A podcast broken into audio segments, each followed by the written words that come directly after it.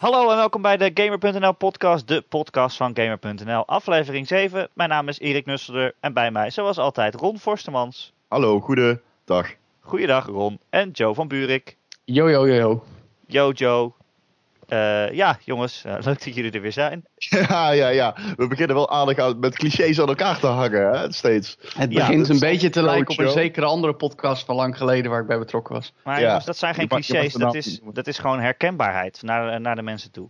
Herhaling oh, werkt. Kijk, kijk, dat is Erik met de intro van de Gamer.nl podcast. Die ken ik. Ik kan hem meepraten op de fiets. op de fiets, ja. Laat, laten we snel verder gaan. Ja, we gaan het vandaag hebben over Rainbow Six Siege. Eindelijk een keer echt, Ron. Je mag het er echt over hebben. Ah, yes. Want uh, je hebt uh, de alpha gespeeld. Uh, we gaan het hebben over War for the Overworld. Dat is een Dungeon Keeper clone die uit Early Access is gestruikeld, zal ik maar zeggen. Want echt af was hij nog niet. En uh, we gaan natuurlijk het nieuws bespreken in deze Gamer.nl podcast. Elke maandag te downloaden via onze site, te luisteren via YouTube of uh, natuurlijk via iTunes. Dat is dan wel zo makkelijk. Daar kan je dan abonneren. En dan krijg je hem elke week gewoon uh, gedownload. En als je daar dan toch bent, laat dan gelijk een review achter met wat we wel of niet goed doen. En of dat je meer variatie in de introductie wil hebben. Of dat je lekker mee wil praten en hem uit je hoofd wil leren. Hè? Ja.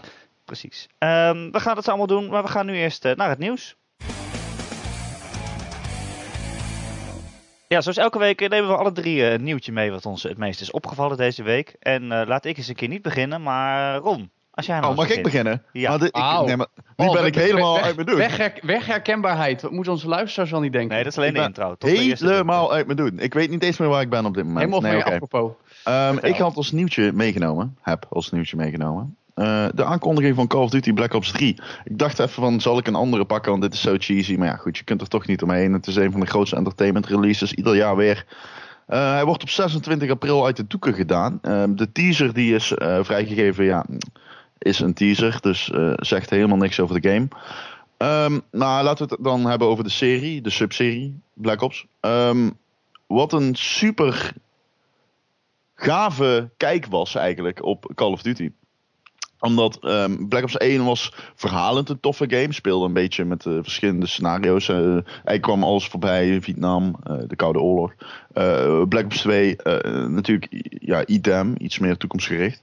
Maar um, als ik kijk naar wat mijn favoriete Call of Duty Online is, zal dat is zeg ik waarschijnlijk Black Ops 2. Omdat uh, in competitief opzicht was die game echt heel gebalanceerd. En um, wat een, een, belangrijke ambitie was van Treyarch, die die game maakt, um, die die serie maakt, was om te zorgen dat het echt een e-sportswaardige game was. En dat is Call of Duty Black Ops 3, uh, 2 echt gebleken. Dat was echt de beste e-sports titel van uh, binnen de, de serie. Maar die wordt nog um, steeds heel veel gespeeld, ondanks dat er daarna dan uh, Ghosts en die andere uh, Advanced Warfare zijn uitgekomen. Ja, ja, het is nog steeds een populaire Call of Duty. Uh, en wat ik al zeg, dat komt omdat hij gewoon heel erg goed was. Uh, heel gebalanceerd. En ja, dat maakt natuurlijk een goede shoot. Maar, ja, maar oké, okay, maar het is toch iets meer dan balans? Ik bedoel, waarom blijven mensen die game spelen? Okay, Omdat de um, balans bij het na, de latere Ja, nee, dat kan ik wel uit. Nee, sorry dat ik je onderbrak. Nee, um, klopt. Um, Nee, de balans is nooit echt verstoord geweest. Kijk, wat bij Call of Duty altijd is, dat kan ik eerst wel even uitleggen. Uh, je speelt zeg maar gewoon in publics en dan kom je erachter dat de helft van de dingen die toegevoegd zijn niet goed uit de verf komt. Dat is nou eenmaal zo. Het is vaak uh, te hectisch of zo voor 4 tegen 4 teamverband. Um, dus dan dus gaan mensen zo gauw de pro-mode spelen waarin heel veel van die gadgets, killstreaks en geweren die te overpowered zijn, die worden gewoon eruit gehaald. gewoon, die spelen gewoon met MLG-regels. Um, dus dat. Maar los daarvan. Um, als je kijkt naar uh, Black Ops als serie. Dan was deel 1 eigenlijk niet zo heel geweldig online. De maps waren best wel jammer en zo. Maar Black Ops 2. Dat was echt een hele snelle kijk op Call of Duty. Uh, heel close combat. Heel snel. Um, uh, kleine maps. Heel competitief. Dus heel veel pro-gamers en de hardcore COD community. Die wilde heel graag dat Advanced Warfighter weer echt een, een Black Ops-achtige game zou worden. Een Black Ops 2-achtige game. En dat is het achteraf niet helemaal gebleken. Dus dat is ook de reden dat Black Ops 2 nog steeds populair is. Omdat er geen andere kot is die ermee te vergelijken is. Ja, het is ook wel grappig wat we vorige week over Assassin's Creed zeiden. En over Call of Duty. Dat het steeds een andere studio is die het maakt. Dus eigenlijk pas over drie jaar heb je weer, uh, heb je weer dezelfde studio die weer een nieuw deel maakt. En ook dus dat je dingen die nu zijn geïntroduceerd, zoals die exosuit in uh, Advanced Warfare. Ja. waarmee je Eh, kunt dashen. Kunt je dashen, die, is, die Ja. komt nu natuurlijk helemaal niet terug. Want dat weet, dat, dat weet die studio Treyarch helemaal niet, eh, dat ze daarmee bezig waren. nee, dat is inderdaad, eh, welke elementen neem je over, welke laat je liggen. Dat is inderdaad een afweging die iedere ontwikkelaar bij komt moet maken. Dat Ja. klopt. Nou, ik vind het wel grappig, want elke keer als ik de naam Call of Duty hoor, en dat zal opa verteld zijn, moet ik denken aan de allereerste Call of Duty games die in, in Rusland en gewoon in de Tweede Wereldoorlog Ja. afspeelden. En, maar Ja. hoe lang is dat nu geleden? 12 jaar? 13 jaar? 12. Ja, eh, ik denk dat eh, Big. Red One, ken je die? Nou, ja, Big Red One. Oh ja, Ja. eh, Rusland was dat. Ja, ja, ja. Maar dat, weet ik nog. Dat, eh, dat, dat was toen in eerste instantie alleen PC volgens mij ook. Nee, dat En- was en- de COD, kijk, de COD-expansie op de console, als ik me je niet vergist. Maar dat weet ik niet 100% zeker. Ehm dat was trouwens ook een oorlogsfilm, volgens mij. Nou goed, boeit. Ja. Nee, maar ik vind het typisch dat, ik bedoel, Call of Duty is ooit zo begonnen. En in die tijd, als je het had over echt competitieve shooters, had je natuurlijk nog de Counter-Strikes. Eh, no- nog meer dan nu, dat zal iets minder geworden zijn, stel ik me voor. Ehm, en, en op de consoles was het nog helemaal een beetje onontgonnen gebied. En dat is, dat is dan, ja, eh, nogmaals opa verteld, maar in tien jaar is dat enorm hard gegaan eigenlijk. Ja. Eigenlijk vijf jaar geleden was het al op zijn hoogtepunt, denk ik. Maar wat bedoel je, de serie? Of... nou ja, gewoon hoe Call of Duty is veranderd. Dat het ooit begonnen is als gewoon een echte oorlogsshooter voor de PC. Ah. Ook met echt nadruk op campagne volgens mij. Ja, ja, ja. En dat het Ja. echt geëvalueerd is naar een, een, een competitieve Als je e-sport. echt zo diep wilt gaan, dan komt dat ook omdat COD op een gegeven moment is doorontwikkeld door Activision. Echt in de markt is gezet als de shooter van deze generatie. Ja. En dat heeft, ze, hebben ze heel goed gedaan, want ze hebben eigenlijk, het is gewoon een vercommercialiseerd product. En daarom Ja. voor heel veel hardcore gamers, die echt, we hadden echt aan een goed spel, eh, eh, minder interessant. Omdat het gewoon altijd hetzelfde blijft doen. De fundering blijft altijd hetzelfde. Dat durft Ja. Activision niet aan te tonen. Het, het, het innoveert niet. Maar het is, wel het altijd, niet. het is wel altijd een goed spel, heb ik het, Het is idee. altijd een goed spel. ik maar speel het ze is niet elk jaar, maar als ik het speel, dan denk ik wel, oh, weet je, het speelt Ah. gewoon heel goed weg. Het is gewoon heel strak. Ik kan me herinneren dat COD 4 uitkwam en op de E3 tijdens de Microsoft persconferentie werd getoond eh, dat level all killied up. Oh ja. Mhm. Dat was voor mij toen magisch. en dan... eh, Dat is nog altijd mijn favoriete presentatie op de E3 of all fucking time. Eh, zeg maar qua kwaliteit gewoon. Dat vond ik zo awesome. Dat je daar als ghillie- met je ghillie suit in het gras lag en dat die soldaten over je heen liepen en zo. Ik vond het zo awesome. Ehm, maar daarna is COD eigenlijk altijd dat gebleven. En op een gegeven moment wist ook dat mij niet meer te boeien. En dan krijg je dus dat een serie moet gaan innoveren, maar het niet durft, omdat ze dan, weet ik veel, 40% van hun market eh, shares gewoon kwijtraken. Ja, maar het, is nooit, het, het is nooit een slechte game, hè, volgens mij. Nee, het is nooit een slechte game geweest, maar het is ook nooit een extreem innovatieve game. Nou, laat ik het zo zeggen, Call of Duty is in het verleden wel ooit call- eh, eh, innovatief geweest. Maar nu leunen ze steeds op hetzelfde trucje. Ehm, dus ik wacht alleen op het moment dat Activision gaat zeggen: Oké, we nemen een extra jaartje of zo vrij. We- dit Ja, jaar komt er geen dat call. zullen ze niet zo snel doen. Ja, dat zal Nee, dat nooit zullen ze nooit doen. Dat zullen ze Ja. nooit doen. Maar als ze willen innoveren, dan... Daar, daarom hebben ze nu natuurlijk zijn ze naar een schema van drie studio's gegaan in plaats van twee. Dat, al, al die studio's hebben wel een jaar extra gekregen om, eh, om hun kot te maken. En het budget Dus, zal het toch wel zijn als je zo, ziet hoeveel die game elke keer weer verkoopt. Oké. Wat ik wel nog ik. wil zeggen. Ik eh, zag een screenshot van Black Ops 3. Eh, dan zie je dat er een guy met heel veel armor op de cover staat. Of ja, die staat voor die drie Romeinse letters. Die, die, die, eh, die drie. Ehm, dus waarschijnlijk is het in de toekomst. Ja. Maar er was ook al iets van een, Oh. van een beschrijving uitgelekt volgens mij. En dat ja, ging dan verder op Black, Black Ops. En dan hadden ze het over van ja, de, de technologie waarmee we de mensheid wilden verbeteren. Daar, daar komen we nu tegen in opstand of zoiets. Nou, de Ah. thematiek eh, is altijd heel tof in Black Ops games. De vorige ging in op eh, ra- rare earth materials en drones en zo. Dat hadden ze wel heel slim gedaan eh, bij Treyarch. Dat maakt het echt een, een qua ethisch een toffe singleplayer om te volgen, zeg maar. Ja. Ik heb ook dat boek toevallig gelezen over... Jezus. ja, nou goed, laten we niet te diep gaan trouwens. Maar ehm, dat wilde ik nog even zeggen, dat er waarschijnlijk iets met de toekomst in staat te Ja. wachten. Oh, En is zombies ook, terug. Natuurlijk. En het is ook een mooi bruggetje naar het volgende onderwerp. eh, net namelijk eh, technologie eh, waar, waar tegen we in opstand komen. Joe, want jij hebt dan weer een nieuwtje over DSX. Deus Ex Mankind Divided. Woe! Dus, Dat gaat toch eigenlijk over, ga- gaat toch eigenlijk over precies hetzelfde. ja, Sorry. ja, zeker. Call of Duty is eigenlijk hetzelfde als DSX. Nou, ho, ho, ho, ho, ho, ho. Het is precies hetzelfde. Ja, dus. Nee, ja, eh, Deus Ex eh, Mankind Divided. De, de, de, eigenlijk de officiële aankondiging daarvan, die, die lekte afgelopen week uit en werd daarna ook gelijk eh, ja, publiekelijk. Uh, met een grote trailer. Ik heb vanochtend nog even een keer extra zitten bekijken en ervan zitten genieten. Game Informer had er een cover en een groot stuk over. Uh, de nieuwe Deus Ex game. Um, waarbij de nadruk heel erg ligt ja, op, op toch weer dat, dat Deus Ex gevoel. Ik bedoel, je zegt net wel, het is Call of Duty. Het is helemaal geen Call of Duty. Nee, natuurlijk niet. Deus Ex is altijd Deus Ex geweest, omdat je ja, echt je eigen aanpak kan, en dan ook echt je eigen aanpak kan gebruiken. Ik bedoel, het is het meest gebruikte marketingpraatje bij elke shooter ooit. Maar uh, Deus Ex uh, was daar gewoon, uh, is, is, is daar eigenlijk de, de, de, de, de, ja, de grondlegger van met de originele game Deus Ex rond de millenniumwisseling. Ja. Nou, daarna zijn er nog een paar vervolgen geweest. En vervolgens, als ik het goed heb, vier jaar geleden kregen we Deus Ex Human dat, Revolution. Dat klinkt alsof het klopt, ja.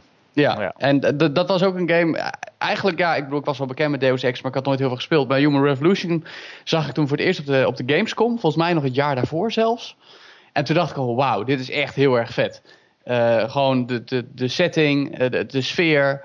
Uh, maar dan vooral ook die, die echt ja, zelf te bepalen mogelijkheden. Hoe je door een level gaat, hoe je guards uitschakelt, of je stealth gaat, of je all-out gaat, of je een combinatie van doet. Of je nadruk legt op hacken, of je nadruk, nadruk legt op de vaardigheid om mensen te beïnvloeden. Dat vond ik zo cool. Uh, ik heb die game ook helemaal uitgespeeld. Maar Zo. wat ik jammer vond, is dat ik hem daarna nooit meer heb aangeraakt. Omdat het einde een enorme anticlimax was. Ja, het was echt een slecht einde. Het, het, wa nou, het was gewoon van... Uh, even spoilers voor het einde van deze extra ja, maar. Als je Deus Ex Revolution niet hebt uitgespeeld, uh, nu even een minuutje doorskippen. Ja, maar als moest je, dan... je uiteindelijk op een knopje drukken en dan kreeg je een einde. Nou, het was nog erger. je had de eindbaas, die, was, die eigenlijk al niet zo heel veel voorstelde. Uh, en daarna was er, kwam, je, kwam je in een kamer uh, en er waren vier knoppen. En afhankelijk ja, van welk knop je drukte, was het, had je een bepaald einde. En dat ja. was het dan. Een soort in plaats van dat je drie uh, all over again was dat. Ja, in plaats van dat je gewoon in de loop van het spel echt naar iets toe werkt. Ik bedoel, het, het ging er wel om, spoilers zijn nu ongeveer over, dat je gewoon gedurende het spel kon kiezen of je mensen in leven liet of bepaalde dingen deed. En dat had wel enige invloed op de rest van het spel. Maar in het einde kwam het allemaal een beetje tot een teleurstelling. Dus, ja. uh, dat, dat was... is wel jammer, want het verhaal op zich is best leuk. En ook die ethische dilemma's. En het gaat dan over mensen die, die uh, geaugment worden. Hoe zeg je dat in het Nederlands? Ge geaugmenteerd, is dat een woord? Nou, je krijgt ja. allemaal uh, chips en zo in je hersenen, waardoor je ineens onzichtbaar kan worden. Of uh, nou, een coole armen hebt waarmee je explosies kan doen. Ja, en dat, die, is, die trailer, dat is weer de overdreven versie. Ja, die trailer voor Mankind Divided zie je dat ook heel erg. Dat het, dat het daarover zal gaan, dat verhaal. Dat is een soort van groepering die, die, die uh, onderdrukt wordt. Ja, en, nou, het, dat was eigenlijk al het thema bij Human Revolution. In die zin denk ik ook dat het eigenlijk wel echt een direct vervolg wordt. Uh, ja. Uh, maar twee jaar later af, heb ik begrepen. Ja, ja, ja. ja. Maar het, het, het, het, punt is dat bij Human Revolution hadden ze ook echt wel heel erg ingezet op de, die, ja, die, die, dat, dat ethische dilemma van, ja, weet je, steeds meer technologie en hoe we dat toepassen op, op, uh, op, op ja, de verbetering of ja, het aanpassen van, van, van mensen. Uh, en hoe ver je daarmee moet gaan. Uh, en dat was daarbij al een actueel thema. In die zin, het blijft natuurlijk een beetje futuristisch. En, en in uh, Mankind Divided, zoals de titel ook een beetje suggereert, gaat het echt wel om een, om een, om een strijd. Je merkt ook in de trailer, dan heb je Adam Jensen hoofdrolspeler, die, die in, in Human Revolution nog echt een beetje, beetje ja, wijfelend was, een beetje, beetje voorzichtig. Ja, welke kant moet ik nou kiezen? Mankind Divided zegt hij echt van, ik heb overal scheid aan en ik doe gewoon uh, wat, ik, uh, wat, ik, wat ik zelf vind dat nodig is. Ja, precies. Dat, dat vind ik wel een coole omslag. Wat, um, Oh. Ja, Ron? Nee, ja, vertel jij het eerst, uh, Erik. Sorry. Nee, ik wou zeggen, ik ben ook wel blij dat er een vervolg komt. Want dat, dat eerste deel had ook wel heel veel dingen die echt wel beter kunnen. Zoals, zoals de eindbazen.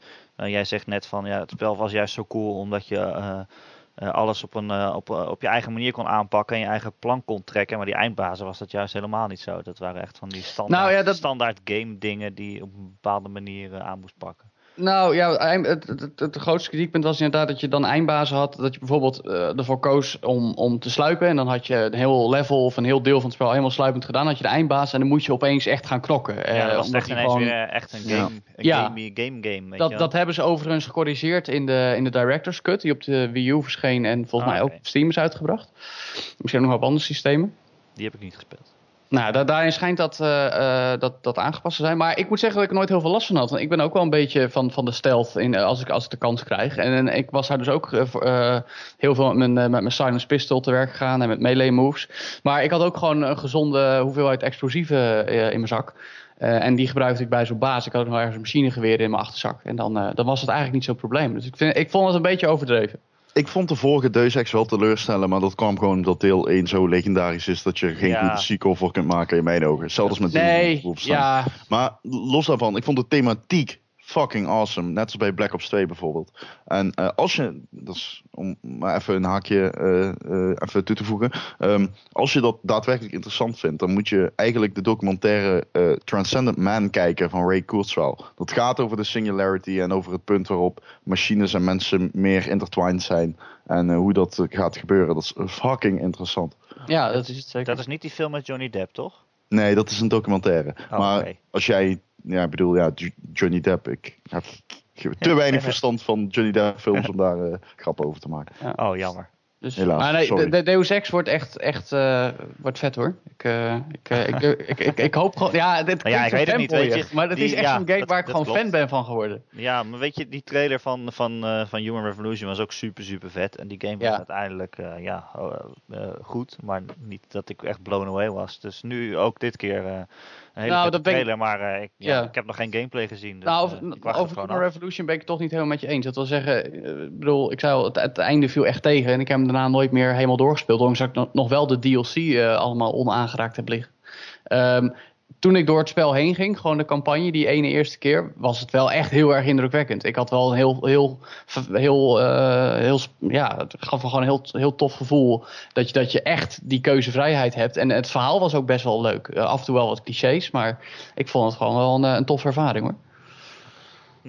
Eh, laten we verder gaan, want dit keer ben ik, heb ik mezelf als laatste bewaard. Dat, dat is echt een unicum. Normaal is het altijd, jongens, eh, ik wil Mag graag ik beginnen. Ja. Erik Nee, bewaart zich. Jongens, ik wil graag eh, eindigen. Je hebt jezelf Eh, bewaard voor ons. Ja, Ah, nou, nou, laten we dat niet zeggen. Ik wou maar. het graag met jullie hebben over Zynga. En dat is niet eh, een bedrijf waarvan heel veel mensen gelijk zullen zeggen van... Hoera, we gaan het over Zynga hebben. Maar Zynga is een hond? wel, Zynga is Nee. een hond. Het Nee, gaat over Zynga Tom is- Cruise, gaat het. Over Don Matrick. Zynga is, ja, oh ja, oh, die lijkt er wel op, ja. Zynga is natuurlijk dat eh, bedrijf eh, met al die mobiele games en die Farmville eh, dingen op Facebook. En eh, Don Matrick die ging daar op een gegeven moment heen vanaf, vanaf Xbox, ging die naar, naar Zynga. En nu gaat hij weer weg. En, Ja, hij gaat weer weg, ja. Originele Ja. oprichter Mark Pincus die neemt zijn plekje weer terug als directeur. Ja, het heeft eigenlijk iets van anderhalf jaar geduurd dat Matrick daar was. Hij was natuurlijk hoofd van de Xbox afdeling en in het begin ging het nog wel goed toen hij daar zat. Het- aandeel verdubbelde in waarde en daarna Ja. is het ook weer helemaal terug. eh terug naar 5,6, waar- terug naar waar het was. 65 5,6 dollar is nog steeds niet heel veel, maar, Nee. maar Hey, eh, ja, het is weer dus- ingestort. Er schieten mij verschillende dingen te binnen als ik eh, aan dit verhaal, als jij over dit begint. Ik ga ze gewoon één voor één opnoemen. Ehm Tom lijkt daadwerkelijk op Tom Cruise. Dat is het eerste waar je aan denkt. Ja. Niet dat hij Ehm, zei van, eh, ja, als je geen internet hebt, dan moet je maar geen Xbox One kopen, want dan moet je maar gewoon een Oeh, 360 die was spelen. dodelijk. Ehm, ik, ik vind, ook, dat klopt. Tom Matrick is waarschijnlijk de slechtste PR-man die ehm Microsoft ooit heeft gehad, denk dat ik. zou goed kunnen, ja. dat was echt, echt midden, midden in die hele Xbox One gate over verplicht internet. En dan zei hij dat van, de, nou dan koop je hem toch lekker niet. Ja, oké. ja, het was, eh, hij, het was gewoon een drama. Hij had ook de uitstraling van een natte krant gewoon. Ja, Eh, hij, hij, is, ehm, hij heeft 4 miljoen dollar gekregen bij Zynga, nu die Ja, weg is. nu, nu Dat weg is- pas, hè. Dat is naast zijn salaris dan. Dat krijgt hij gewoon. Ja. Dat is gewoon van, oké, goed gedaan, doedels. hier is je bonus. Ja. YOLO. Ja. Maar wat ik dus niet begrijp, hè, die man heeft werkelijk alles fout gedaan in mijn ogen dat je bij Microsoft fout kon doen. Als, als uithangbord van zo'n groot bedrijf kun je niet zulke fouten maken als Don Matrick deed. Die had gewoon totaal geen feeling met de community. Nu hebben we Phil Spencer daar zitten, die echt, Ja. nou ja, ontelbaar veel fijnere man is om naar te kijken. Ja, dat is Die gewoon, eh, dat, dat- die zie je gewoon eh, voor, dit, voor zijn eigen Xbox hangen. en Gears of War Precies. spelen. Dat is echt Dat is ook een ontwikkelaar. Of ja, geen ontwikkelaar. Het is volgens mij geen ontwik- ontwikkelaar puur zang, maar hij heeft in ieder geval wel het de ambitie om een, eh, om een console te maken die er is voor gamers. Ja, dat is tof. Ja. Ja. En wat ik ook gaaf vind aan eh Don Matrick is dat op een moment als hij tijdens de eh, Microsoft persconferenties een grap probeerde te maken, was er nooit, nooit gelachen vanuit de zaal. Niemand begreep zijn grappen. Ik, ik, Ron, ik, ik weet precies wat je bedoelt. Ik was erbij twee jaar geleden. Ja, hij maakte die Oh. Asher-grap toen, of niet? Hij zei iets Oh. van Asher. Iets, eh, Asher stond op een podium en die had zo'n Ja. mega belachelijk optreden, deed hij. En toen zei Oh, hij dat iets was het jaar eh, ervoor, ja. En toen zei hij iets over Asher. En Zei hij toen, it's time to usher in a new era of iets? Dat zei hij, ja! Oh. Ik, heb het, ik heb het niet onthouden, maar dit is wat ik gok dat hij zo Oh. gezegd zou hebben. Dat zei hij. Zo, a new era of entertainment of zoiets, Oh, zoiets zei hij. Heerlijk. Hebben ze dan alleen Ja. maar Usher uitgenodigd zodat hij die grap kon maken? Denk? Hij keek Dat echt zo in de zaal van, yeah, yeah boy, ja, dit it. En niemand keek terug, gewoon. Je zag, het was gewoon pijnlijk stil. Eh, Heerlijk. ja, mooie vent. Maar uh, vonden jullie niet dat eh, toen, eh, had daar, eh, wow, dit wordt net een geschiedenisles. Eerst had je daar nog eh, Pieter Zitten, die nu eh, hoofd EA Sports is. Ja. Dat was ook een fijne man. Vind ik ook zo'n baas. Pieter Moore. Waarom? Ik snap gewoon niet hoe die man ooit bij Microsoft terecht is gekomen. Ik heb dat nooit begrepen. Don Metric is echt ja, alles wat je niet wil van een, van, van een, van een frontman van je bedrijf. Ja, hij is vast goed als, als Ja, gewoon maar- iemand die achter de computer zit, maar niet als iemand die voor de camera staat. Maar dat, dat, dat maakt het ook zo apart. Ik weet nog dat hij net midden in de shitstorm van Microsoft over de Xbox One eh, opeens naar Zynga verkaste. Ja. En dat Ja, was ook wel ik, bij opmerkelijk. Microsoft. Ja, dat was niet Jawel, opmerkelijk. ook een opmer- gewoon op, Nou, die Nou, dacht nee. gewoon, eh, dikke toedels jongens, het is goed. Die laat, die Nee, laat dat- gewoon dat- iedereen dat met de shit zitten. jawel, ja. maar daarom was het opmerkelijk. Ja, oké, maar ja, voor mij, vanuit dan- zijn dan zit je- positie snap ik het wel. Als ja, je zo'n zootje van hebt. gewoon lul. Ja, maar ja, dat een lul is, dan kun je al zien aan zijn debiele glimlach. je houdt echt niet van hem, hè, Ron? Nee, ik vind het echt een... Ja. Maar hetzelfde met Jack Tretton van eh, Sony. Oh, vind ik zo'n nare man. Oh, Ja. Ik wou, ik, wou- ah, ik walg van die man. Nou ja, dat, dat is natuurlijk wel verschil Dan heb je een Mark Cerny, dat is natuurlijk geen CEO, maar wel een, een, een, een kopstuk die natuurlijk Heerlijke met de man. onthulling van de PS4 Ja, heel heel veel fijn. eh, die praat heel heel, is goed. geweest. Die praat heel goed en die weet, heeft echt verstand van zaken, Nou, heeft, heeft een track record. Ja, fantastisch. En die, Ja, ik denk dat Shuhei- die, Shuhei als je Yoshida. Als je het hebt over hoe kopstukken een, een, een bedrijf en hun product, in dit geval een PS4 en Xbox One, eh, naar buiten brengen, dan heeft eh Cerny dat vele malen beter gedaan. Ik, ik denk dat het feit dat PS4 nu nog steeds ver voorloopt de Xbox One, mede door Ja, het verschil ja. tussen Cerny en, en Metric komt. Nou ja, meer een verschil, Nee. het verschil tussen PR-campagnes. Jawel, ja, maar natuurlijk. Nee, maar kijk, het is een beetje zoals presidentsverkiezingen in, in de VS. Natuurlijk gaat het om de achterban en, en, de, en de ploeg die erachter zit. Maar het gaat ook om, om een man en, en het verhaal en, en hoe je het overbrengt. Nee, je hebt ook gelijk, Joe. Het is wel zo, als je kunt, het getuigt van visie om iemand aan te stellen met visie als hoofd van je bedrijf. Ja. Het getuigt van weinig visie om iemand als Don Metric te, eh, uithangbord te laten zijn. En of het nou gaat om visie over hoe spreek ik mijn doelgroep aan of over hoe maak ik mijn console en leg ik de nadruk op VRAM of whatever the fuck. Eh, het, het, het zegt iets als je Don Metric geschikt vindt als uithangbord. Dat zegt iets over waar je prioriteiten liggen. Want je kan mij niet vertellen dat er één gamer ter wereld is die denkt: wow, die guy met die fake gebleekte tanden, daar ga ik een console van kopen. Jij bent de man. Daar ga ik niet eens een auto van kopen. Ja, auto Al zou je wel ja. autosalesman kunnen zijn. Ja, dat is dan weer- een perfect wel hele slechte Nou, Amerikaanse auto. Let maar op, ik bedoel, weet je wel waar, waar, waar, waar die nu naartoe gaat? Nee, Ja, nee. ik hoorde dat hij bij Hawaii. eh, Tom's eh, second-hand cars gaat werken. nee, maar ik bedoel serieus, onthoud die naam maar. Het zou me absoluut niet verbazen als hij vroeg of laat nog een keer bij een autofabrikant terechtkomt. Mag Nou ik ja, nog even zo. twee feiten noemen die jullie dan in je hoofd met elkaar mogen verbinden? Yes, leuk. Eh eh, Don Metric krijgt 4 miljoen dollar mee van Zynga. Ja, En vorig jaar zijn er 500 medewerkers ontslagen. Ja, belachelijk hè? ja Dat- fijn. zeker. Ik ken er een, notabene. Die was eh, producer bij Zynga. En die Oh, zei ja. echt, het was verschrikkelijk. Maar kon met het 4 echt miljoen kan je volgens mij best wel wat mensen in, eh, in dienst houden. Maar goed, zo gaat het Ja, met dat is bonus, hè? Dat maar dat weten we is in Nederland ook. Dat is Oh. gewoon waanzin. Dat zo'n man 4 miljoen exit, eh, een exit fee krijgt Ja, van 4 gewoon een miljoen. gouden handdruk. Ge- Gefeliciteerd, je hebt heel veel mensen ontslagen. En, eh, en het gaat heel slecht met het bedrijf. Het aantal spelers is vorig jaar gehalveerd. Nou, eh, bedankt voor je moeite.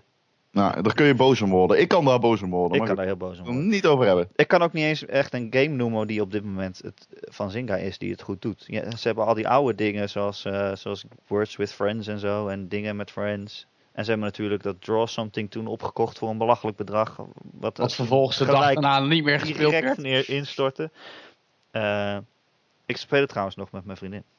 Draw Something. Wat, wat, Serieus? Wat, wat, Ja. retro man, dat je dat speelt. Pic- Pictionary. En dan kan je Ik bedoel, ik, ik, ik, ik, speel, ik speel Super Mario Bros. op de NES, maar dit is helemaal gedurfd. Maar ja, dus dat het met Zynga slecht gaat, dat is natuurlijk eh, niet zo'n verrassing. Maar dat laat Nee. ook zien, hè, wat, die mobiele markt, het is echt eh, bijna ondoenlijk om daar, om daar gewoon een solide bedrijf op te bouwen. Want het is zo afhankelijk van hits. Het ene moment heb je een hit en het andere moment niet. En dan, als je het wel hebt, dan neem je heel veel mensen aan. En als je het niet hebt, dan moet je ze allemaal weer ontslaan. Want eh, ja, het, is zo, het gaat zo op en neer daar. Dat is, daar kan je volgens mij geen, eh geen miljoenenbedrijf op, op bouwen. Althans Nee. niet eentje die niet in een paar jaar weer instort. Ja, ik geloof het. Oké, genoeg eh, over nieuws. We gaan het zo hebben eh, over Rainbow Six Siege. Ron, je hebt het altijd graag over eh, Rainbow Six bij ons. En vandaag mag het eindelijk. Ja, Want er is zowaar nieuws over de game. Eh, althans, de alpha is eh, speelbaar. En jij, eh, jij bent ermee aan de slag gegaan. ik ben er hartstikke mee aan de slag gegaan. Dat is Nou, Heb je nog geslapen de afgelopen dagen, Ron? Nou ja, zeg maar, mijn liefde voor Rainbow Six gaat dieper dan gewoon. Ik vind het een leuke game. Ik, ik, dat is echt zeg maar gewoon. Ik, ik, ben, ik heb het al eens een keer gezegd in de podcast. Ik ben in een tweede van mijn HAVO-opleiding blijven zitten omdat ik alleen maar Rainbow Six 3 speelde. Dat, is, dat, is, dat was gewoon Ja, mijn ja. leven. Ja. Ik- dat is het enige dat ik gedaan heb. Dus ik heb echt een soort van. Ja, ik kan ook heel moeilijk objectief zijn. Ik ben nu de, de preview aan het schrijven. En dan ben ik gewoon meteen geneigd om erin te zetten dat Rainbow Six 3 geweldig was. En dan denk ik, nee, nee, gaan we. Gamergate. Gamergate, ja. Gamergate. Maar, ehm, maar dat is. eh, maar, maar inderdaad, ik heb hem heel veel gespeeld. Ehm, en Al ik kan er ook heel en- veel over zeggen. Ja, al, Maar, jouw, eh, al jouw hoop voor het, voor het game, eh, gamejaar 2015 is gevestigd op Rainbow Six Siege. En dan nu de vraag, gaat dat het waarmaken? Dat is een moeilijke vraag. Het is inderdaad waar dat. eh, het, ik had er even uitgezocht. Er zitten 13 Assassin's Creed delen tussen Siege en de vorige Rainbow Six game. 13. Ja, maar dan noem, dan noem je ook al die B-spellen op de PSP en DS erbij. Ja, ja, ja, klopt. Maar ja, het zijn er alsnog 13. Eh, en in die tijd is er eh, geen, eh, geen aandacht besteed aan, eh, aan Rainbow Six. Acht Nou, jaar. Ze hebben wel een game gemaakt die ze vervolgens weer geschrapt hebben, volgens mij. Ja, klopt. Ja, klopt. Rainbow Six. Hoe heet die ook Ascension? alweer? Rainbow Six. Ik weet de naam ook niet meer. Nee, ik ben het weer vergeten. Zo erg is het. Weet je, ik eh, weet via een Maakt goede bron wat eh, die game eigenlijk had allemaal. eh, toen die werd gecanceld. Het was een hele grove game. Een game die echt zo grof was dat die meerdere malen omgegooid moest worden. Dat je, ja, weet ik veel, dat je in een kleutercrash stond en zo. Oh, en terroristen binnenvielen. en dan zag je het vanuit het oogpunt van een kleuter. En fucking heftig gewoon. Ja, eh, En daarna zag je het dan uit het oogpunt van een terrorist, daarna uit een oogpunt van een verslaggever en daarna uit het oogpunt van een, van een iemand van de Rainbow Six team. Wow, awesome. Six team. Ja, best wel awesome. Maar het was zo ontzettend grof eh, dat het eh, gewoon gecanceld is. Ja. Hey, eh, leuke, leuke scoops bij de Ja. Game podcast La-. Laten we het wel over Siege hebben, want daar ging Ja, laten we het wel over Siege hebben. Het? ja, het is een. Het is een typische Rainbow Six game. Het is puur competitive, 5 tegen 5. Een aanvallend en verdedigend team. Eh, kleine maps. eh één map waarin je gewoon heel simpel eh, een huis moet binnenvallen. Eén map waarin je een Boeing op een startbaan moet binnen, een landingsbaan moet, moet binnenvallen. Dus ja, all, the, all, the, all the necessary things for a good Rainbow Six game, I guess. Maar uiteindelijk is het ehm, voor mij vooral, wat mij vooral zeg maar, bij is gebleven van de alpha, want ik speel hem nog steeds eigenlijk, ehm, is dat het gewoon een echte alpha versie is. Er zit niet eens Ja. een friends list in. Eh, heel veel dingen zijn bugged. Hij loopt vaak vast. Eh, het is nog niet geoptimaliseerd, al draait hij heel goed op mijn PC. Eh, maar het is niet heel geweldig geoptimaliseerd. Het- het- dat Uplay is echt verschrikkelijk. Ja. Dat Uplay van Ubisoft, dat, dat, is dat echt is niks nieuws natuurlijk. Oh. een verplichte dienst van Ubisoft, waarin je dan... Ja, wat kan je er ook weer mee? Dingen verdienen Ja, en zo, en skins. precies. en- Nou ja, het is me niet. het- ik, ik, ik, ik denk dat ze het ooit bedacht hebben vanuit het idee van klantenbinding. En misschien ook nog wel om er, om er DLC Nee. op te verkopen. En dat kan volgens mij ook wel een soort Ah, van. het is gewoon Het is, het is, het is Ja, ze heel. gewoon soort- Het is Ze het wilden gewoon zoveelste een, eh, nodeloze digitale platform van een grote uitgever die in wil haken op het digitale succesvol Steam. Dat is het. Ja, ze En- willen Ja. gewoon, gewoon Ja. een eigen dienst waarvan, waardoor je denkt, alle Ubisoft games die je speelt, die hebben allemaal met elkaar te maken. En dan speel je dingen vrij en dan verdien je punten. En dan, ja, het is zoomkotsen. zich wel grappig, maar ja.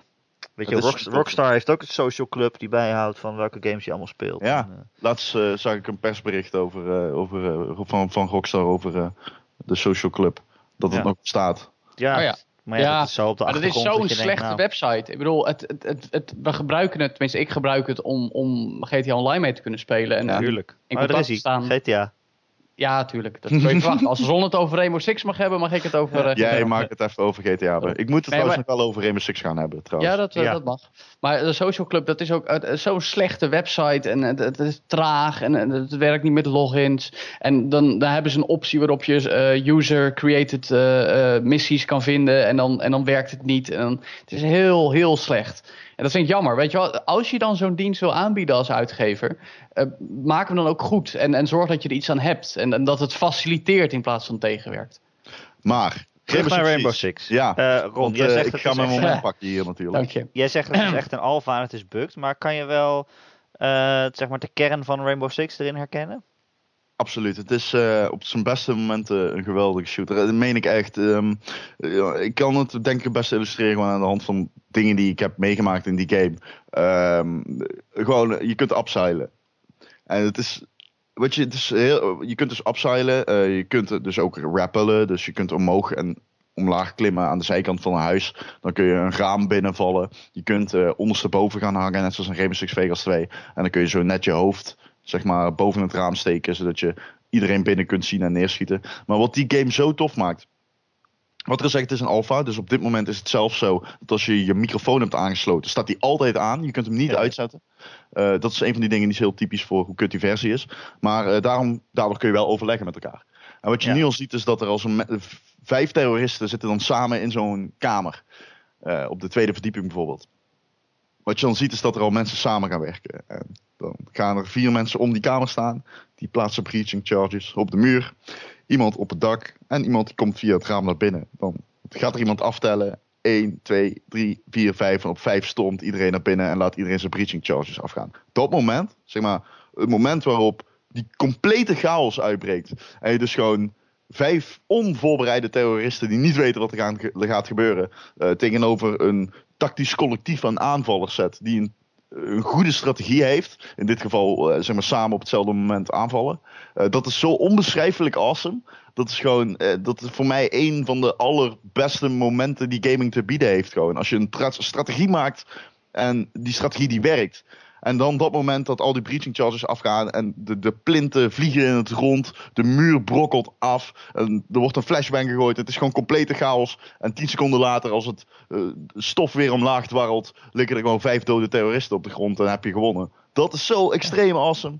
Ja, dat, dat, dat is voor mij eh, compleet wat Rainbow Six eh, te bieden heeft, zeg maar. Ja. En dat biedt Siege in overtreffende trap tot op zekere hoogte van iedere andere Rainbow Six game die ik gespeeld heb. Ja, maar het is dus wel, het is dus echt weer zo'n spel waar- waarin je echt moet samenwerken. En als je niet samenwerkt, dan heb je ook niet echt een kans van winnen waarschijnlijk. Nee, het is een, eh, oprecht een clan game. Het is een game die je met je clan wilt spelen. Je wilt clan met je spelen in deze game. Dat is gewoon, dat, dat, dat proef je aan alles. Dit is echt weer zo'n titel die je met vrienden lekker landt. Maar dan is het ook echt een game die commitment vereist. Een game Ja. die je gewoon met, waarvan je met elkaar moet afspreken. We gaan deze avond en die avond en die avond op die dag met elkaar zitten spelen. En dat is toch best moeilijk anno 2015. Om met- van mensen die commitment te vragen, toch? Ja, maar dan moeten die mensen lekker Call of Duty gaan spelen. Want dat is Nee, het dat snap charme ik. van Rainbow Six. Nee, Nee, dat is maar ook het punt ik- niet. ik- Maar het is meer de vraag of, of die game dan heel veel gaat verkopen. Want Ja, dat ook. ik, weet, ja. ik weet gewoon niet hoe groot die markt is van mensen die, die altijd als in je- teams ah, willen spelen. Ja, als Ja, jij zegt die game alleen goed tot zijn dat recht komt het als jij, niet als jij met maten speelt. Sorry, vertel. Nee, als jij zegt dat die game alleen goed tot zijn recht komt als je echt met je, met je clan speelt, met je maten en op elkaar Ja. ingespeeld bent, dan, Ja. dan kun je dus eigenlijk alleen die game waarderen op het moment dat je er eh, tijd in investeert. Ja, maar dat mag je nooit zeggen bij games. Dat mag je ook niet zeggen bij muziek en films. Omdat iedereen Nee, nee. haalt een eigen... Haalt iets, zelf iets uit een product, snap je? Dus ik haal er teamwork uit. Iemand anders die haalt misschien vette kills maken eruit. Of die Ja, vindt het ja. gewoon tof om die kamers te bestaan. Want dat kan ook. Je kunt eh, Rainbow Six wel zo leren. Alleen die tactische diepere kern van Rainbow Six, waar die game eigenlijk om draait, die komt gewoon niet goed uit de verf als jij met vijf mensen speelt die eh, op niet overleggen van oké, we gaan. Ik weet waar de hostage zit, bijvoorbeeld. ja, ja. Als iemand dat niet zegt tegen jou en jij loopt maar een beetje doelloos door die woning, eh, ja, dat werkt natuurlijk niet goed. En één headshot en je bent dood aan Rainbow Six. Dus dat maakt die game ook zo tof. Eh, je- je- het is gewoon meteen afgelopen als je niet weet wat je doet. Het is inderdaad een game die misschien hem leren spelen waarschijnlijk. Sorry? Je moet hem leren spelen waarschijnlijk. Ja, absoluut. Maar daarom. Kijk, we hebben natuurlijk eh, eh, e-sports en competitive gaming heeft een, eh, een professionaliseringsslag doorgemaakt. Een commercialiseringsslag. Heel die industrie, als je kijkt naar games als Halo, Counter-Strike Global, Counter-Strike Go en, en natuurlijk Call, Call of Duty.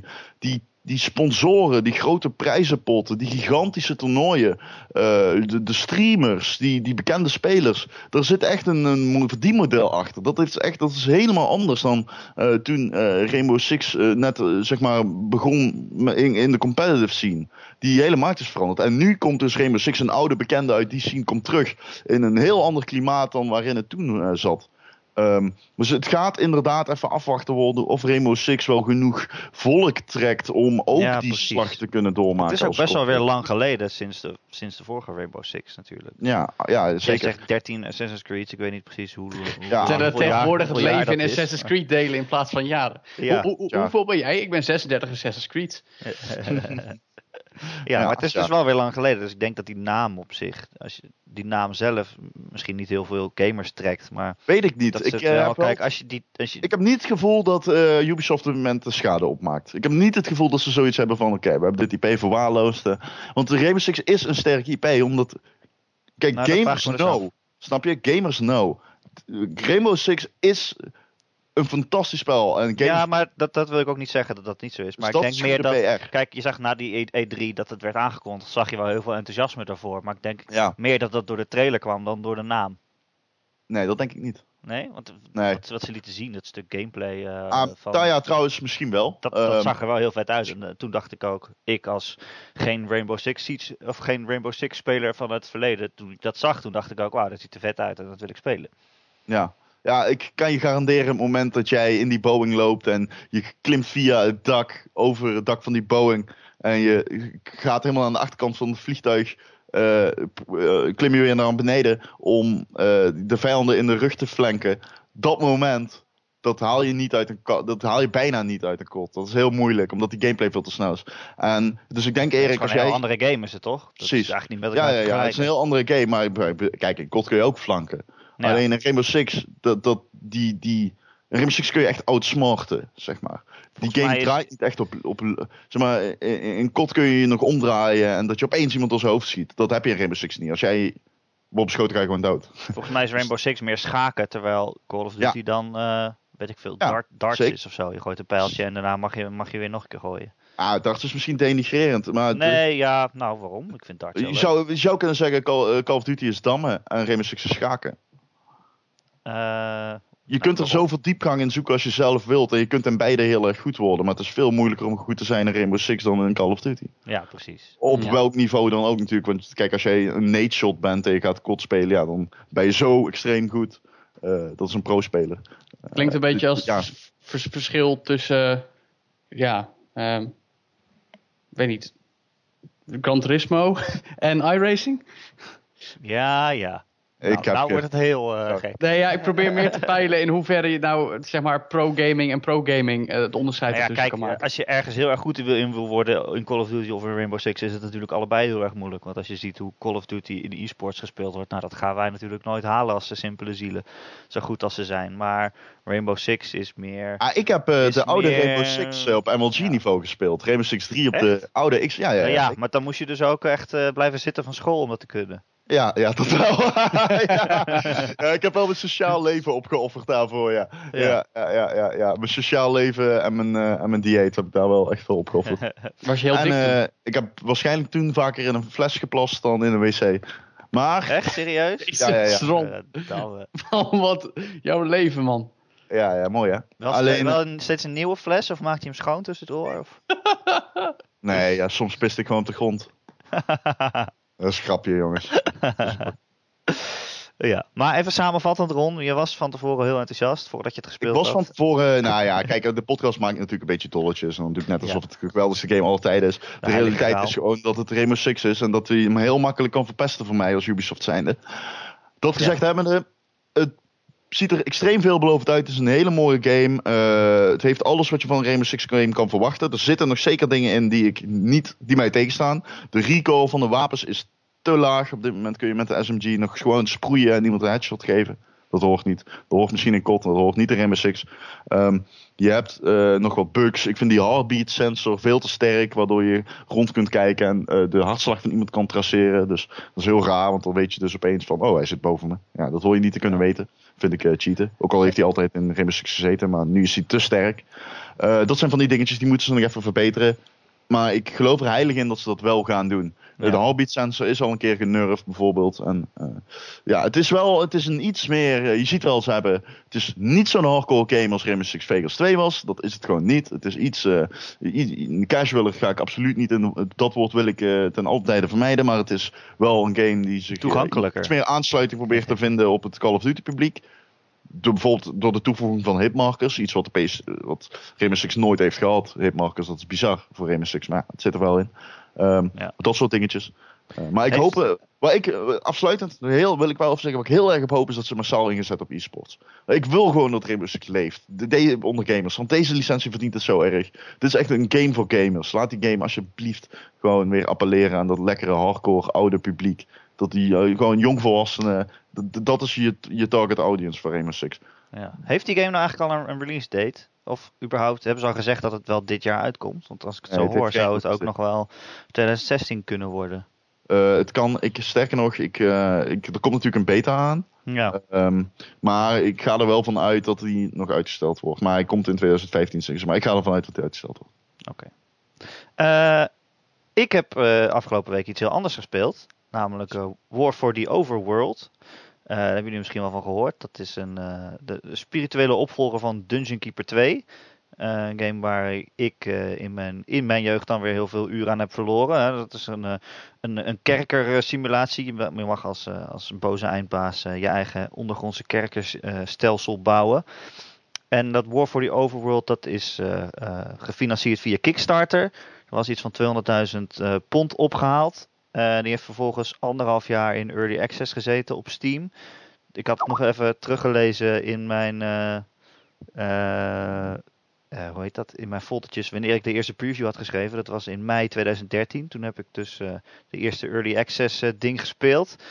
En nu is hij pas echt uit. Althans, dat zeggen de makers. Want ja, hij is eigenlijk nog steeds niet af. Het, het spel wat ze nu als, als release eh, in, de, in de Steam winkel hebben ge- gelegd, is eh, gewoon nog niet af. Er zijn allemaal eh, opties die niet werken. Er zijn heel veel bugs. de AI heeft problemen.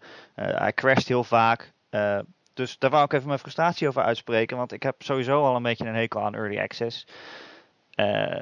En nou blijkt dus ook nog dat als je dan anderhalf jaar lang een soort van beta-versie hebt gehad. en wat je dan uiteindelijk uitbrengt, ook nog eens niet af is. Dan denk ik van ja, waar doen we het dan voor? Ja, het is, het is... Mag ik eerst even zeggen dat ik het raar vind? Jij maakt een vergelijking met Dungeon Keeper. En dan heb je een soortgelijke game die heet War of the Overworld. Nou, het is Dungeon, het is niet eens een onder- vergelijking. ondergronds. Ja, Dus- het, is, het is niet eens een vergelijking. Het is echt gewoon een, een regelrechte kopie van Dungeon Keeper 2. Dat hebben ze ook wel zo, zoveel gezegd. Van, Oké. Wij wilden gewoon een Dungeon Keeper game maken, maar dat nu. Want volgens mij, de laatste Dungeon Keeper is eh, van voor 2000, 1997. Eh, dus dat, hebben ze ook oh echt ja, gezegd. dus- En ze hebben toestemming gevraagd van Peter Molyneux, van, die toen van Bullfrog was. En Die toen nog iets eh, deed. Die, toen nog iets deed. voorstelde. En die zei dat het mocht. Dus Nou, dan dat mag het. lief. Dus eh, ja, het, maar, het, het, het mag, maar dan moeten jullie de, de, de spirituele bezieling van, van de tocht die je onderneemt met me delen. ja, precies. Dat. Ja, ze hebben er wel allemaal eigen dingen aan toegevoegd trouwens. Allemaal nieuwe spells en potions en eh, allemaal traps die je kan bouwen. Maar het lijkt er eigenlijk ook op dat ze eigenlijk veel te veel dingen wilden toevoegen. Want ze hebben zoveel opties en eigenlijk is er niet één ding wat al echt goed werkt. Dus Wat- eh, Wat zijn eigenlijk de credentials van de mensen achter die game? ja, dat is dus de vraag. Hè. Dat is, kijk, dat Kickstarter, dat is zo verraderlijk. Want je denkt van, wow, een nieuwe Dungeon Keeper, dat wil ik. Ik ga daar geld aan geven. Maar ondertussen zitten daar dus allemaal mensen die nog nooit een game hebben gemaakt. Ja, Ja, voor hetzelfde geld geef je je geld aan een zwerver natuurlijk. Je weet het Ja, niet. hè? nee, je weet het niet. Precies. Hey Maar- Ron, ik ga voor jou de nieuwe Rainbow Six maken. Geef me 10.000 euro. Ja, maar dat nou, doe ik. Dan mag je een zwerver zijn, dan krijg je gewoon geld van mij. Ja, die, plast ook, die, die plast ook in een fles. we, gaan, we gaan een vergelijking tussen Ron en een zwerver maken. Sorry. dat vond ik heel grappig. Ja, die is ook blijven zitten. heeft ook zijn school niet afgemaakt. Oké. Maar goed, nou ja, jammer dat het dan ja, zo gaat. Maar dat is dus met Maar het Kickstarter. Ik weet niet of Hm. jullie wel eens iets gekickstart hebben. Ja, een 1 dollar op eh, iemands eh, sympathieke initiatief wat ik wel wilde steunen, maar dat niks voor terug hoefde. Oh, ja. Maar ik vind dat dus het is zo verraderlijk, hè. Dat je, je weet nooit waar je je geld aan geeft. En vervolgens, want ze zouden die game, dat beloofden ze dat ze hem in augustus 2013 uit zouden geven. Dat hij dan klaar zou zijn. We zijn alweer bijna, bijna twee jaar verder. En het is dus eigenlijk, nu zeggen ze dat hij af is, maar het is nog steeds niet af. En dan vraag ik Ja. me dus ook af, weet je, waarom zeggen ze nu dat die game af is? Terwijl ze zelf toch ook weten dat het niet zo is. Ze Ja. hebben gewoon geld nodig. Want als je zegt hij is af, dan komt hij bovenaan in de Steam Store. En dan kan iedereen. Maar dat- hij dat- kost dat 30 is euro, by the way. Dus dat Maar ik, ik denk dat je hiermee ook eigenlijk een, een heel pijnlijk punt, en misschien op een gegeven moment zelfs wel echt knelpunt voor, voor Kickstarter gaat, gaat aanwijzen. Ik bedoel, wat je zegt, iedereen kan daar met een leuk idee op en geld eh, en, en zijn hand ophouden. Ehm, maar eh, ik heb, ja, ik, ik heb verder niet heel veel ervaring met Kickstarter. Maar gebeurt dit vaker? Dat, dat het gewoon enorm Ja. tegenvalt? Ja, er zijn natuurlijk heel veel games die echt al heel lang in ontwikkeling zijn. Eh, Ja. Zelfs eh, grote eh, ontwikkelaars. En neem dat eh, eh, Double Fine, die Adventure Ja, Broken Age. Die is, toch die is nog steeds Ja. niet uit. Het eerste, de eerste deel is. Ineens gingen ze het in twee delen opknippen. Het eerste deel is dan vorig jaar uit. En nu zijn we alweer een jaar verder. En het tweede deel is er nog steeds niet. Kijk, Dus, ja. Maar Kickstarter zijn er heeft eigenlijk volgens mij games... wel iets- Ja, gewoon. Ja, sorry. Kickstarter heeft wel, zeg maar, volgens mij een secure op, eh, van security ingebouwd. Of een zekerheid ingebouwd, waardoor je wel je geld terugkrijgt als je eventueel opgelicht zou worden. Volgens mij ben je me daar niet op vast. Maar wat ik altijd eh, tricky vind bij eh, Kickstarter, is wat, wanneer eh, is iets zeg maar, te slecht om te verkopen? Als je een portemonnee koopt en je zegt, ja, ik weet ik veel, het is apart design, bla bla bla bla. Alleen het blijkt dat hij gewoon lelijk is. En er totaal niet uitziet als op de plaatjes. Maar hij is wel van dezelfde materialen gemaakt als er geschreven wordt. En dergelijke en dergelijke. Als er geen merkbare vorm, merkbaar, als het niet aantoonbaar is dat er sprake is van oplichting, gewoon merkbaar zeg maar, van zichtbare oplichting, dan kun jij eigenlijk met heel veel nog wegkomen eh, als je er goed over nadenkt zeg maar. En zeker bij games. Ja, ik bedoel, het eh, het probleem met die kickstarters van, van dege- degenen die nu mis zijn gegaan, en ook wat ook bij deze game ook zo is, is niet zozeer dat, dat je opgelicht wordt, maar dat de mensen achter het product eh, niet in kunnen schatten van tevoren hoe lang het duurt om iets te bouwen en hoe duur dat is. Ja, maar oké, de oplichting is misschien inderdaad geen goede term. Nee, maar het gaat erom de, of, je, of je tevreden bent of niet met het product. En Ja. dat is natuurlijk ook het lastige aan het hele principe van Kickstarter. Want eh, bedoel, als jij in de winkel gaat en iets koopt en, en je bent er niet tevreden over, dan kun je het over het algemeen gaan terugbrengen. Sterker nog, daar heb je recht op als consument. Dan hoor je zelfs gewoon je geld terug te krijgen. Ja, precies. Eh, bij bij e-commerce is dat soms wel iets lastiger. Dat hangt af van, van zeg maar, sites waar je iets koopt. Bijvoorbeeld bij Coolblue kun je het ook nog steeds terugbrengen en je geld terugkrijgen, om maar een voorbeeld te noemen. Maar dan heb je Kickstarter en eigenlijk word je daarbij investeerder in plaats van consument. Ja. Want ja, je investeert en je krijgt daar later product voor terug. ja, maar je investeert in een concept. tegenvalt. Nee, oké, maar op het moment dat dat product dan tegenvalt, kun je geld niet terugkrijgen. Want Wel je hebt toch? Nou, dat nee, vraag je, nee, nee, je kan niet zomaar als je zegt, nou ik vind de game niet leuk, dat je dan je geld terugkrijgt. Ja, dat, dat, Nee, eigenlijk wel moeten. Nee, want al- bedoel, maar dat, dat, dat is Maar denk dat ik geld een hebben ze ook stukje- helemaal niet meer. Nee, en dat is denk ik een beetje een stukje ja, ontwikkeling anno 2015 waar de wetgeving nog niet voor bestaat. Ehm, maar dat, ja, weet je, hoe moet je dat nou zien? Bedoel, stel nou, het is een hele, dat is een hele toffe game, maar eh, ze willen, ze willen en, en ze zeiden, ja, je vindt het ontzettend gaaf, maar we willen wel de 200 euro van je hebben. Maar, maar dan wordt het echt heel gaaf en dan wordt het je niet gaaf, weet je ja, wel? je, je bent echt een investeerder. En investeerder zijn betekent ook dat je risico loopt. Hè, er Ja, dat klopt. investeerders die dat ergens geld in stoppen. En als het dan mislukt, dan zijn ze hun geld kwijt. En Nou, jij, Eh, zo ben jij ook. Je, hey, dat jongens. al, al is het op kleinere schaal. Jongens, weet je wie we hier eigenlijk voor zouden moeten uitnodigen een keer om het hierover te hebben? Onze grote vriend en eh vrouwenliefhebber Daniel Verlaan. Oh ja, die is van de kickstart elke Kickstarters. week iets, ja. Die heeft Ja, meer ja, dingen via dag. Kickstarter gekocht dan ik ooit in een winkel, denk Het ik. gaat meer Ik over portemonnees en zo, toch? En niet Die- over games. ja, nou, wel meer dan dat. Ja, en, en speakertjes en zo. Ja, maar ik denk dat de populariteit van Kickstarter wel weer gaat dalen. Naarmate mensen vaker eh, eh, Ja. teleurgesteld worden. Want ik zit ook wel eens te denken, dan zie ik een game die ik heel graag zou willen dat bestaat. Zoals laatst hadden ze Toe Jam and Earl, daar gaan ze een nieuwe van maken. Althans, eh, ja, die Kickstarter Ja. hebben ze gehaald. Het was een van mijn favoriete games van toen ik klein was. En toen dacht ik, nou, als dat zo is, als ik die game zo tof vind, dan moet ik daar toch eigenlijk ook geld in steken. Maar vervolgens dacht ik, nee, waarom zou dat moeten? Ik kan toch ook gewoon wachten tot die klaar is en dan gewoon kopen. Ja, Waarom zou ik het kickstarten?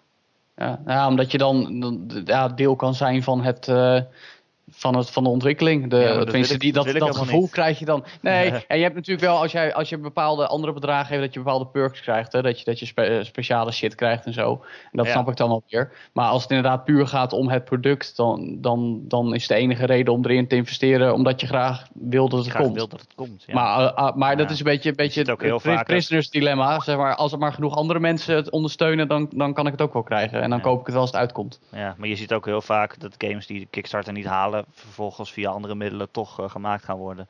Ja. Dus dat ze ineens toch een investeerder hebben, dan denk ik, ja, nou, die had je dus ook gewoon gelijk kunnen vinden. Ja. Eh, nog even over for the Overworld gezegd. Eh, die makers die zijn wel heel veel bezig met patches. Volgens mij sturen ze er elke dag meerdere uit. Meerdere patches per dag. Dus ze zijn wel hard aan het werk. Maar het duurt nog wel een maand of twee, denk ik, voordat het echt helemaal eh, allemaal is opgelost. Dus het kan nog goed komen met het de kan nieuwe nog goed komen, maar Keeper. tegelijkertijd denk ik, weet je, hun geld is bijna op. En ik vraag me af hoeveel ze verkopen als ze allemaal slechte reviews krijgen. Maar ehm, ja, ik ga het gewoon over een paar maanden eh, nog een keer proberen. En dan zal ik denk ik nog wel een update schrijven hoe het er dan eh, voor staat. Dus het kan nog goed komen, maar gewoon de, de full release die zoals ze die nu in de winkels hebben gelegd is gewoon eh, ja, nog niet af. Oké. Oké, eh, nou dat wat betreft eh, wat we gespeeld hebben. En eh, we gaan zo nog even vooruitblikken. Ja, jongens, om af te ronden, nog even kijken wat er eh, deze week allemaal uitkomt. Eh, bijvoorbeeld Mortal Kombat 10. Daar is het alweer tijd voor. Is het iets waar jullie eh, naar uitkijken? Zo, heb jij die Kombat 10. fatalities gezien allemaal, die in die game zitten? Ja, het is echt bruut. Ik zal je nog sterk stellen. Ik heb die game gespeeld. Heb jij Mortal Kombat Joe. 10 gespeeld? Ja, vorig jaar op de Gamescom. Hoe tof zijn die... Ik vond, ik vond echt... Ik stond bijna gewoon... Huiveringwekkend is een woord om Ja, te het is- binnen schieten het als is ik denk aan vrij fatalities. Weet je wat één zo'n chick doet? Die slaat iemand zijn onderkaker uit, maakt Oh. een selfie, post hem op Facebook en daarna zie je 20 seconden aan comments. Dat is een fatality. Hoe fucking awesome is dat dan? R- Ron is weer helemaal tien hoor. Oh ja, ik voel me echt ook weer helemaal op de basisschool. Toen zaten we ook zo van, eh, wow, heb je die fatality gezien in Mortal Ja, het Kombat? is Zit bloed echt in het spel, zit bloed in het spel. Oh nee, je hebt Nee, het is gewoon tof, joh. Het is tof. Ja, Het dat is echt, zeker eh, tof. Ja, Ik ja. weet zeker dat deze game eh, ehm, nog aardig wat eh, gaat genereren aan omzet en aandacht. Nou, dat denk Nou, ik ook, ja. Om de een of andere reden heb ik Street Fighter altijd leuk gevonden. Ik weet niet waarom. Maar Street Fighter is meer, nou, als we dan toch weer die vergelijking gaan maken. Street Fighter is meer de Rainbow Six en dan is Mortal Kombat meer de Call of Duty. Zeker, zeker. Maar eh, Mortal Kombat had natuurlijk ook, is begonnen toen als een, met dat belachelijke control scheme. Eh, Street Fighter had meteen vanaf begin af aan al die Oh. hele sterke controls. Die Hadouken! Die, Dat die, ook. kan ik er, eh, die kan ik er zo uitgooien. Ja, en ik heb denk ik al twee jaar geen, eh, twee jaar geen Street Fighter meer gespeeld. Ik bedoel, een Hadoken gooien is net zoals fietsen. Als je het eenmaal geleerd hebt, verleer je het nooit. Precies. Wat Gaat een ook. mooi, mooi tegeltje. Wat komt er nog meer uit deze week? GTA 5 op de PC. Joe, heb jij nog een mooie column over geschreven? Ja. Ja, dat klopt. De game voor gekken. De game voor gekken, al dus Jo van Buurik. Nou, de- nu, nu hou je het een beetje uit zijn verband. eh. Nee, nee, nee. Ik slag, Joe clickbait van Buurik, laat ik het zo zeggen. ja, maar goed, eh, dus PC-spelers kunnen komende week ook eindelijk aan de slag. En dan kunnen ze ook op 4K gaan spelen. En Ja. onze Nino die heeft, dat, eh, heeft dat gedaan. Die heeft op gamer.nl een stukje geschreven daarover. Nou, onze Nino, onze Nino. De Nino. Nino van Puur, maar Nino we, we, gedogen Nino op gamer.nl. ja, vooral als hij GTA heeft gespeeld in 4K. Ja, en hij was enthousiast trouwens. Het zag er goed uit volgens Nino. En hij zei ook dat het goed geoptimaliseerd was. Wat voor de GTA 4 spelers fijn zal zijn om te horen. Nou, dat mag ook wel na anderhalf jaar, toch? Ja, dat is zeker waar. Ja. En er komt nog een leuk klein spelletje uit. Ik weet niet of jullie dat kennen. Titan Souls. Nee, niet. Oh, die ken van ik van naam. Maar Van uitgever Devolver komt dat. dat die zijn- doen ook Hotline Miami. En dat is een soort ja, Zelda-achtige oude Zelda. zo retro pixel graphics. En dan moet je allemaal eindbazen Iets. verslaan. En je hebt maar één pijl. Vet. één En- pijl. Ja, één pijl. En elke Met eindbaas die is met één hit te, te doden. Want die hebben allemaal één, eh, zeg Weak maar, spot. hoe noem je dat? Weak spot. Ja, maar het is heel moeilijk om die te vinden. Dus bijvoorbeeld Mm. een mannetje, dat is een, eh, een, eh, een ijsblok. En die moet je eerst helemaal laten smelten. En vervolgens kan je hem pas raken. Dus. Dus hartstikke leuk. Oké. Ik kijk nou, ernaar uit. Die stond ook Ja. hoog in onze top 100 van, van games waar we naar uitkeken. Dus Lachen. ik ga me er zeker op storten. Ehm, nog iets? Hebben we alles gehad? Wil je nog iets zeggen? Eh, oh ja, ik ja, ja. ja Goed, ik, ga je iets heel moeder? leuks, ik, ik ga iets heel leuks doen volgende week. Oh, wat Wat dan? ga je doen? Ik ga naar nee, ik ga naar Los Angeles. Je gaat naar Los Angeles. Ga je naar Los Angeles? Waar ga je Ga naar? Los Angeles? Ik ga naar Star Wars Celebration. Wat is dat dan? Ik ga daar Star Wars Battlefront spelen. Oh. hey, jij, jij bitch. Meen je dat? Ja, ja zeker. Oh, je viezerik. Shit. Dus ik wil We- wel we- wij willen wel mee. Jij. Ja, voor mij mag je. Moet je even een ticket eh, betalen. Eh, Oké. Dan gaan we Of, gewoon een eh, podcast op, uitnodiging, locatie maken. Nou, misschien, maar even kijken hoe we doen. Nou, eh, ja, op uitnodiging inderdaad van EA. Eh, dat is tij- tijdens Star Wars Celebration, een van de grootste Star Wars happenings van het jaar. En eh, er is ook een heel panel rond een nieuwe film. Een groot feest. En een hoop, hoop bekenden gaan mee. En dus ook, als het goed is, een hoop meer te weten te komen over Star Wars Battlefront. En hem, en hem spelen, heb ik begrepen. Dus dat hangt een beetje vanaf of er een embargo aan zit. Dat weet je natuurlijk nooit. Maar wellicht heet van de naald in de volgende Gamer Podcast de eerste impressies van Star Wars Battlefront. Wow, Nou, als dat geen teaser is, dan weet ik het ook niet. Holy hell. Jongens, ik heb die game zoveel gespeeld. Dat Ik vond heb ik zo niet- awesome. Ik heb niet heel veel kunnen spelen, maar ik, toen ik Oh, hem ik gespeeld heb, vond ik hem heel vet. Vond Ja, zo is vet. echt heel- Twee is echt awesome. Ja, ja, ik kan er Maar echt... één was eh, beter. Ah, dat wordt natuurlijk, dat Jedi's, natuurlijk super. Ik bedoel, dat, ze gaan daar sowieso een mooie taai met een nieuwe film van maken op een of andere manier. En dan, ehm, ja, dat is echt... eh, Nou, hoe de dat- fuck dan, dan, about die Star Wars films? Het gaat allemaal... Ho, ho, ho, ho, ho, ho. Ho, ho, ho. Source material my ass, hè, Ron? Ja, precies. Source material, my ass indeed. Nee, oké. Luister, we- ik ben heel benieuwd hoe die het gaat verneuken dit, deze keer. Maar Nee, ik denk Oh, dat ho, het de- allemaal hey, helemaal ho, goed er zijn komt, hele goede film. Star Wars games door de jaren heen geweest. Maar op de een of andere manier vergeten mensen dat altijd. nee, nee, nee. Ik heb het over de film. George Oh. Lucas gaat natuurlijk over de nieuwe Star Wars film heen poepen. We weten alleen niet Nee, hoe. hij doet, hij doet niet mee. Hij Doet hij niet meer mee? Oh. J.J. Nee, man. Abrams. J.J. Abrams. Klopt, dat klopt. Sorry. Hij heeft toch dat hele Lucas ding verkocht aan Disney? Ja, ja, I'm Vraag out of place, Mickey Mouse sir. met een lightsaber. Dat, dat Ron, ga je huiswerk doen. Dan mag je vragen stellen volgend weekend. Oh. Shots fired. Ja. Zoals eh, Six. Battlefront spelen? Ja. Maar dat gaat Nou, niet meer. Star Wars. Battlefront spannend. Volgende week Ah, dus misschien wel eh, in de podcast, Gamer.nl podcast. Elke maandag eh, te downloaden via onze site en te luisteren via YouTube. En natuurlijk via iTunes. Dan kan je ook abonneren. En als je daar dan toch bent, laat dan gelijk een review achter met sterren. Laat een recensie achter. Geef sterren. Doe het. Doe het nu. Of eh, stel vragen aan Joe over Star Wars Battlefront. Hè, dat Of kan aan Erik. ook. Of aan Als je, Ron. vragen, over- he- als je vragen hebt, dan kun je ze achterlaten in het bericht waar je deze podcast hebt gevonden op onze site. Of je kan ze mailen naar erik.gamer.nl. Erik met een k. at gamer.nl. Eh, wat nog Hey meer? Erik, leuk dat je er was. Ja, Erik. iTunes Ja, tof. Leuk gezegd. dat je er was. Ja, iTunes review. En, Podcast eh, heb ik nu. Kennen jullie dat? Dat is voor Android mensen. Dan kan je Oh. ook podcasts luisteren. ook Oké. leuk. Ja. Pocketcast. Daar staan Ja. we ook op. Schijnt. Daar hebben we niks aan gedaan. Maar, Erik, leuk dat je er was. Ja. Erik, ik wacht Leuk dat je jullie er eh, waren. Ja, jij ook leuk dat je er was, Erik. Ja! woe.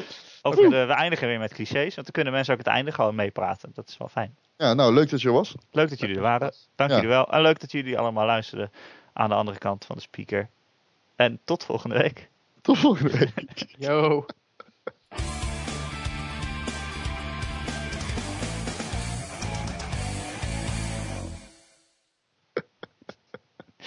Eh, ik ga Hebben, poepen. hebben, hebben we nog ergens een leuke post-credits tussen zitten? Ja, tuurlijk.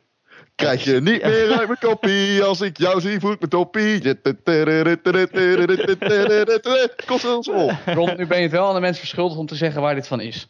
Oké, dit is van onze hoofdredacteur bij Inside Gamer. Martin Verschoor heeft iets van Jongens. 15 of 10 jaar geleden een geweldig vol Nederlandse volkszangercarrière nagestreefd. Met één single. En die heet Costa del Sol. Nee, aan, Aan de, playa. Aan de playa. Aan de playa. En eh, het is van eh, De Jonge Mus. En je moet hem absoluut luisteren, want het is het beste nummer ooit gemaakt. Zo- Zoek het op op YouTube. Yes. De jonge mus.